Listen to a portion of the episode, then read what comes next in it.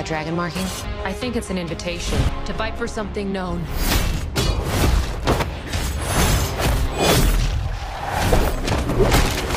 As Mortal Kombat.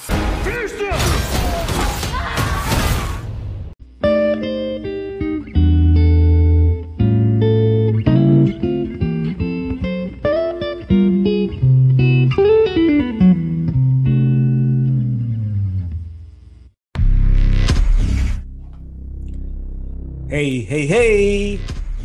Selamat bergabung kembali di channel BB69.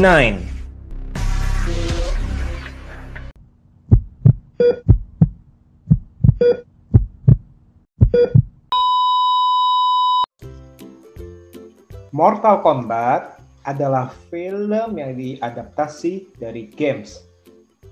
Dan seperti yang kita ketahui nih Sobat BB69, film-film adaptasi dari games biasanya mempunyai naskah yang kurang baik. Dan tidak terkecuali film Mortal Kombat terbaru ini. Untungnya ya, untungnya saya tidak berharap apa-apa nih di segi cerita dari film Mortal Kombat ini. Sehingga saya dapat menikmati sambil menunggu kemunculan dari para tokoh yang ada premis cerita dari film ini sebenarnya agak di luar dugaan saya nih. Di mana saya berpikir bahwa nanti akan ada perlombaan atau pertarungan atau kompetisi Mortal Kombat di ujung film nih.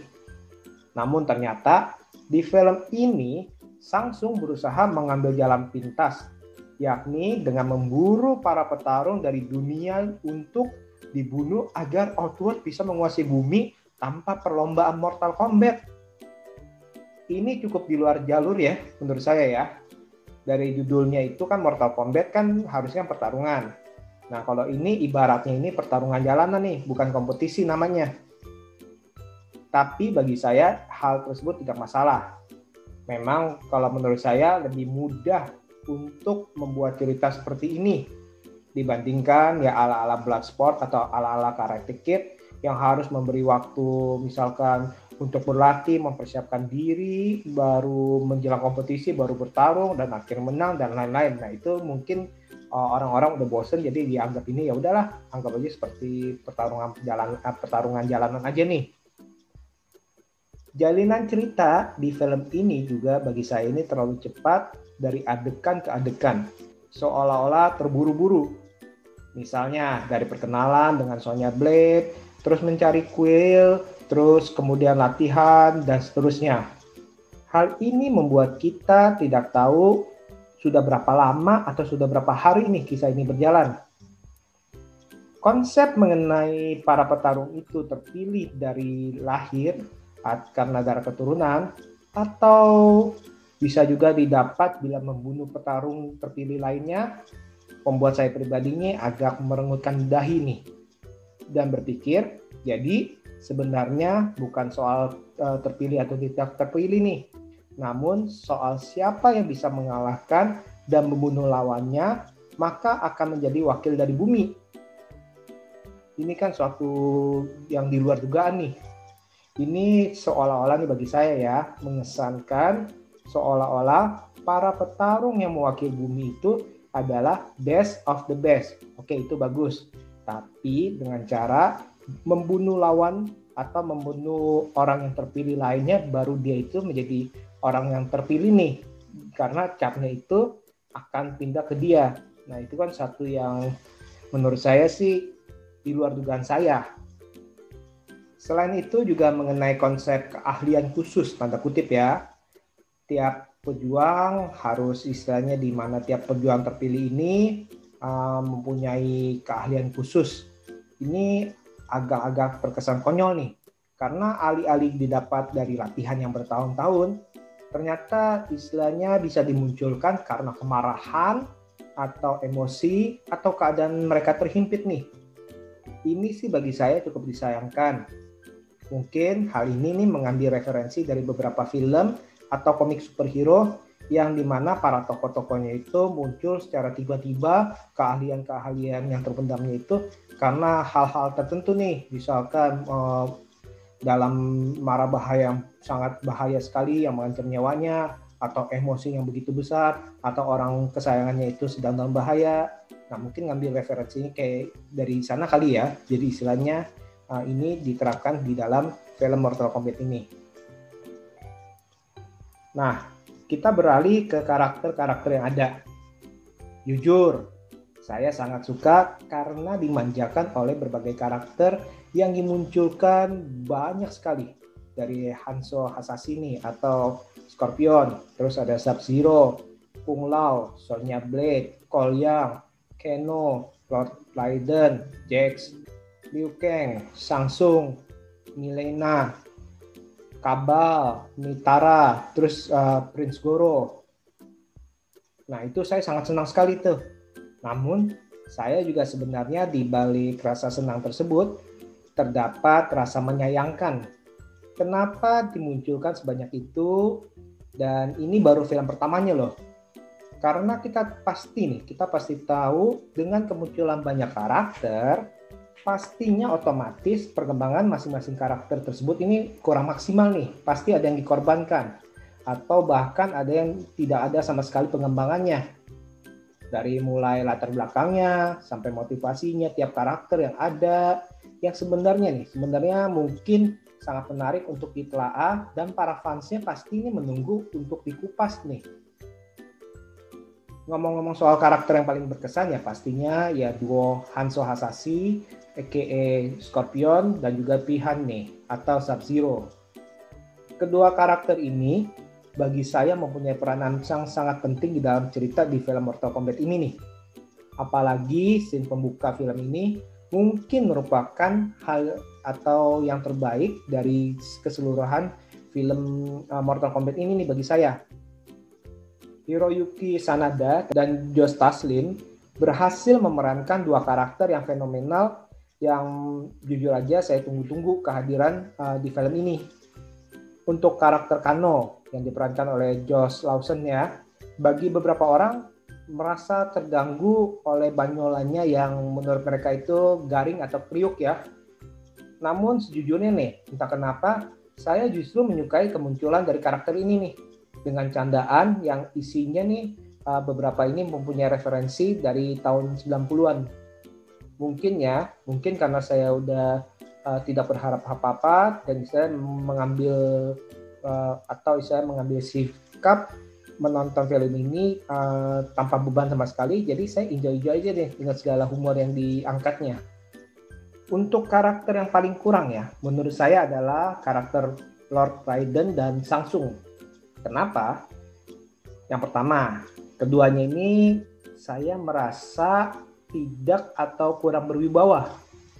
Sehingga bagi saya ini ada sesuatu yang kurang nih saat kemunculan mereka.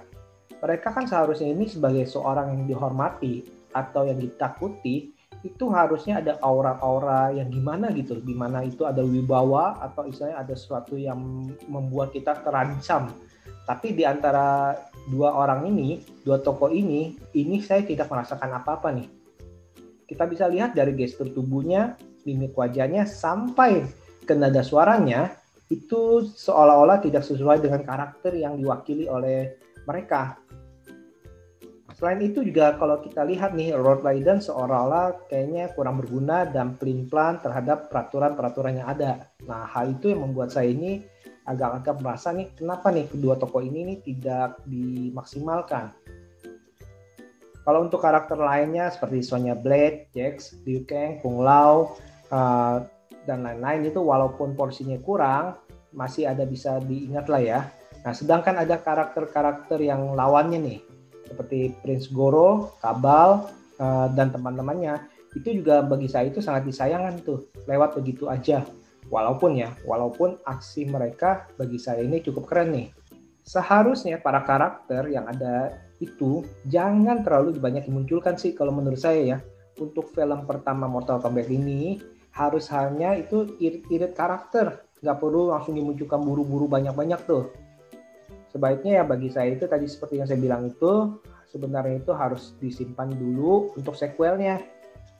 Atau ya mungkin aja ya mungkin ya. Ini karena uh, studio ini kurang pede dan mungkin takut nih, takut bila tidak ada kesempatan lagi untuk memunculkan di sequelnya nih. Nah ini dia nih, saya nggak tahu nih kenapa alasannya itu.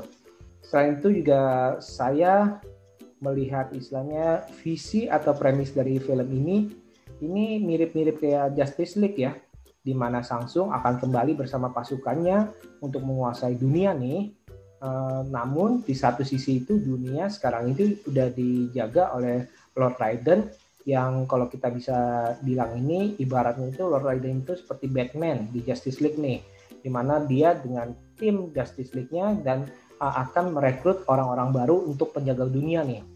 Nah ini sih menurut saya sih oke-oke aja sih kalau pengen dikembangkan seperti itu. Jadi kita akan melihat ini bukan sebagai ajang pertarungan uh, kompetisi, tapi kita akan melihatnya ini sebagai ajang mempertahankan dunia daripada outward nih.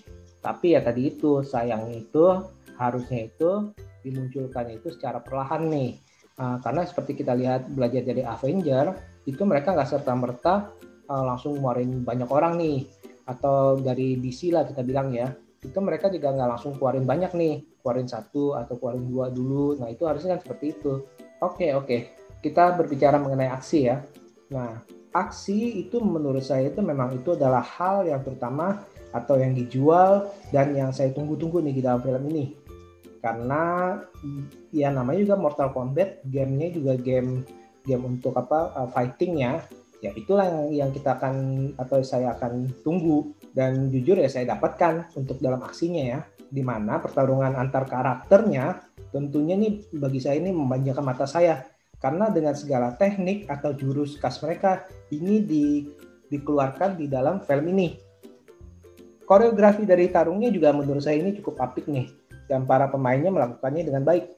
Walau, walau ya ada satu atau dua adegan itu yang terlihat eh, saya melihatnya itu kayaknya pukulannya itu nggak kena lawannya loh. Tapi ya oke okay lah itu mungkin eh, bagi beberapa orang itu dia melihatnya, tapi kebetulan saya melihatnya jadi ya itu eh, cukup mengganggu tapi ya masih bisa saya maafkan. Untuk musik latarnya cukup baik untuk membawa cerita keseluruhan dari film ini nih. Jangan lupa juga nih, kita pasti akan mendengar lagu khas Mortal Kombat dengan aransemen baru nih.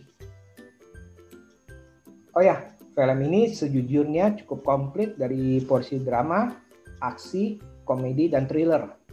Kita uh, di satu sisi diajak sedih, terus diajak ketawa, diajak tegang nih juga diajak seru-seruan melihat pertarungan hidup dan mati di antara karakter-karakter yang ada. Overall, film ini sebenarnya bisa menjadi tontonan yang jauh lebih baik lagi bila uh, dipersiapkan segi ceritanya dengan lebih lagi. Dan saya pasti menunggu untuk sequel ke depannya nih. Saya berharap nih untuk dimunculkan atau dilebarkan universe daripada Mortal Kombat karena masih banyak karakter lainnya itu masih belum dimunculkan nih dan benar-benar lah saya berharap ini terserah lah mau visinya seperti apa. Tapi setidaknya itu kita sudah tahu mereka mau buat seperti apa. Nah itu dia. Saya benar-benar harap ini jangan hanya uh, habis ini terus habis itu terkubur lagi. Dikembangkan dan kita berharap ini ke depannya ini kita bisa melihat aksi-aksi daripada mereka semua. Oke deh saya rasa sekian dulu episode kali ini. Jangan lupa untuk dengarkan episode-episode lainnya tentunya dengan tema berbeda. See you!